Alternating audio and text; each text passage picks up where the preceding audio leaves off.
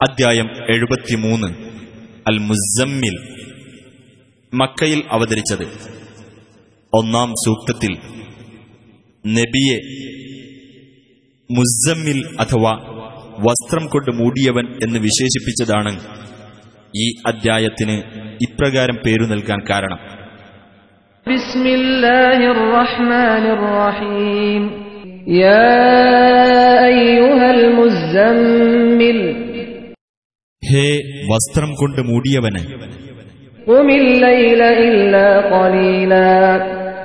രാത്രി അല്പസമയമൊഴിച്ച് എഴുന്നേറ്റ് നിന്ന് പ്രാർത്ഥിക്കുക.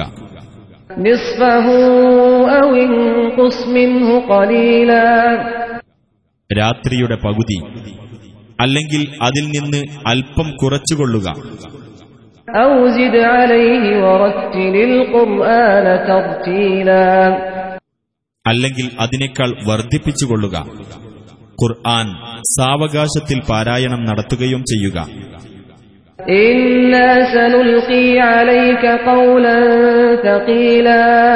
തീർച്ചയായും നാം നിന്റെ മേൽ ഒരു കനപ്പെട്ട വാക്ക് ഇട്ടുതരുന്നതാണ്.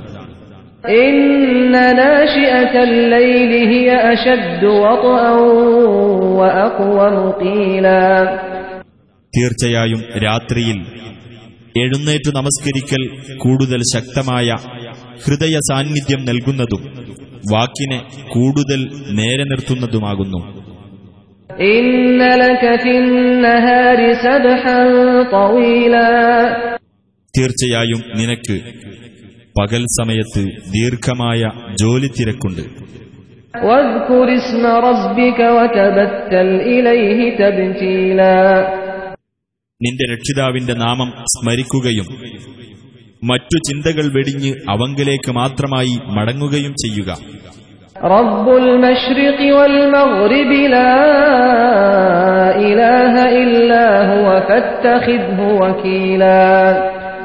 ഉദയസ്ഥാനത്തിന്റെയും അസ്തമനസ്ഥാനത്തിന്റെയും രക്ഷിതാവാകുന്നു അവൻ. അവനല്ലാതെ യാതൊരു ദൈവവുമില്ല. അതിനാൽ ഭരമേൽപ്പിക്കപ്പെടേണ്ടവനായി അവനെ സ്വീകരിക്കുക.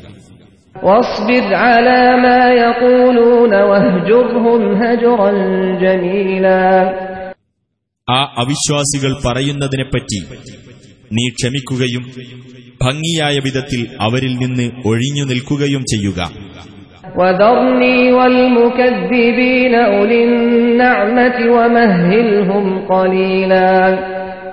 എന്നെയും സുഖാനുഗ്രഹങ്ങൾ ഉള്ളവരായ സത്യനിഷേധികളെയും വിട്ടേക്കുക അവർക്ക് അല്പം ഇടകൊടുക്കുകയും ചെയ്യുക إن لدينا أنكالا وجحيما തീർച്ചയായും നമ്മുടെ അടുക്കൽ കാൽച്ചങ്ങലകളും ജ്വലിക്കുന്ന നരകാഗ്നിയും وطعاما ذا غصة وعذابا أليما തൊണ്ടയിൽ അടഞ്ഞു നിൽക്കുന്ന ഭക്ഷണവും വേദനയേറിയ ശിക്ഷയുമുണ്ട്.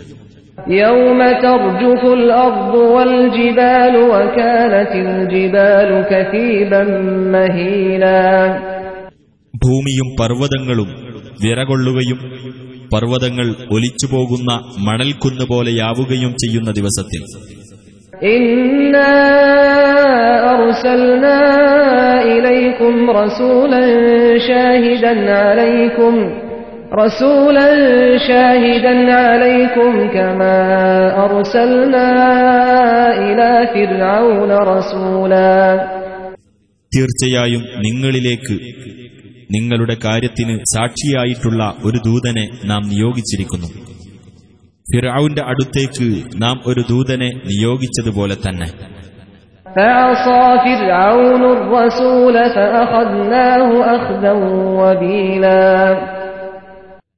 എന്നിട്ട് ഫിർഔൻ ആ ദൂതനോട് ധിക്കാരം കാണിച്ചു അപ്പോൾ നാം അവനെ കടുത്ത ഒരു പിടുത്തം പിടിക്കുകയുണ്ടായി فكيف تتقون إن كفرتم يوما يجعل الولدان شيبا എന്നാൽ നിങ്ങൾ അവിശ്വസിക്കുകയാണെങ്കിൽ കുട്ടികളെ നരച്ചവരാക്കി തീർക്കുന്ന ഒരു ദിവസത്തെ നിങ്ങൾക്ക് എങ്ങനെ സൂക്ഷിക്കാനാവും?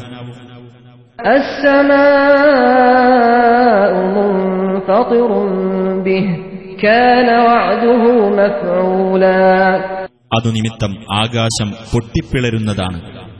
അള്ളാഹുവിന്റെ വാഗ്ദാനം പ്രാവർത്തികമാക്കപ്പെടുന്നതാകുന്നു.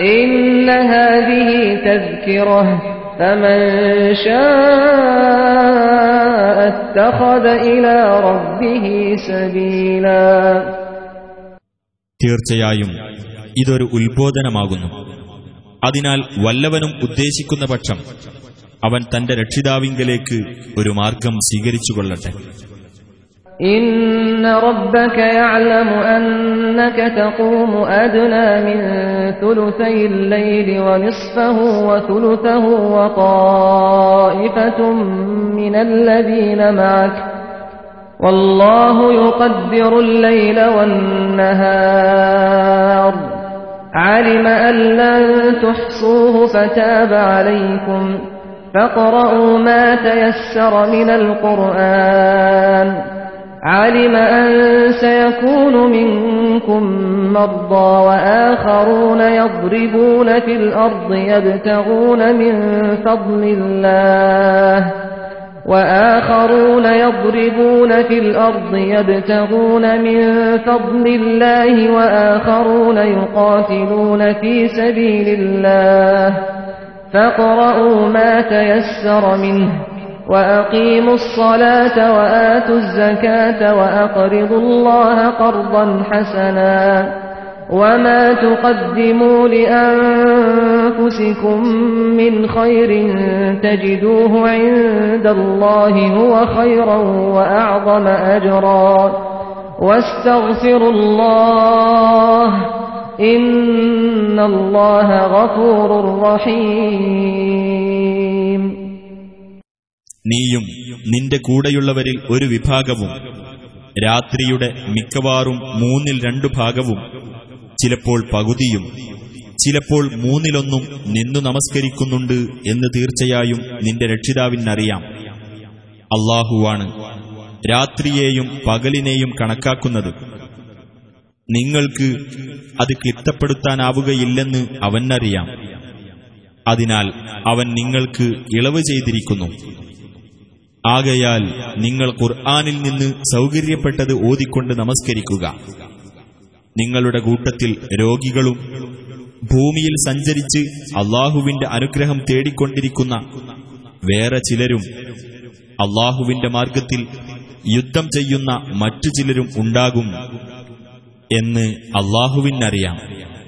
അതിനാൽ ഖുർആാനിൽ നിന്ന് സൗകര്യപ്പെട്ടത് നിങ്ങൾ പാരായണം ചെയ്തുകൊള്ളുകയും നമസ്കാരം മുറപ്രകാരം നിർവഹിക്കുകയും ജക്കാത്ത് നൽകുകയും അള്ളാഹുവിന് ഉത്തമമായ കടം നൽകുകയും ചെയ്യുക. സ്വദേഹങ്ങൾക്കു വേണ്ടി നിങ്ങൾ എന്തൊരു നന്മ മുൻകൂട്ടി ചെയ്തു വെക്കുകയാണെങ്കിലും അള്ളാഹുവിങ്കിൽ അത് ഗുണകരവും ഏറ്റവും മഹത്തായ പ്രതിഫലമുള്ളതുമായി നിങ്ങൾ കണ്ടെത്തുന്നതാണ്. നിങ്ങൾ അള്ളാഹുവോട് പാപമോചനം തേടുകയും ചെയ്യുക. തീർച്ചയായും അള്ളാഹു ഏറെ പൊറുക്കുന്നവനും കരുണാനിധിയുമാകുന്നു.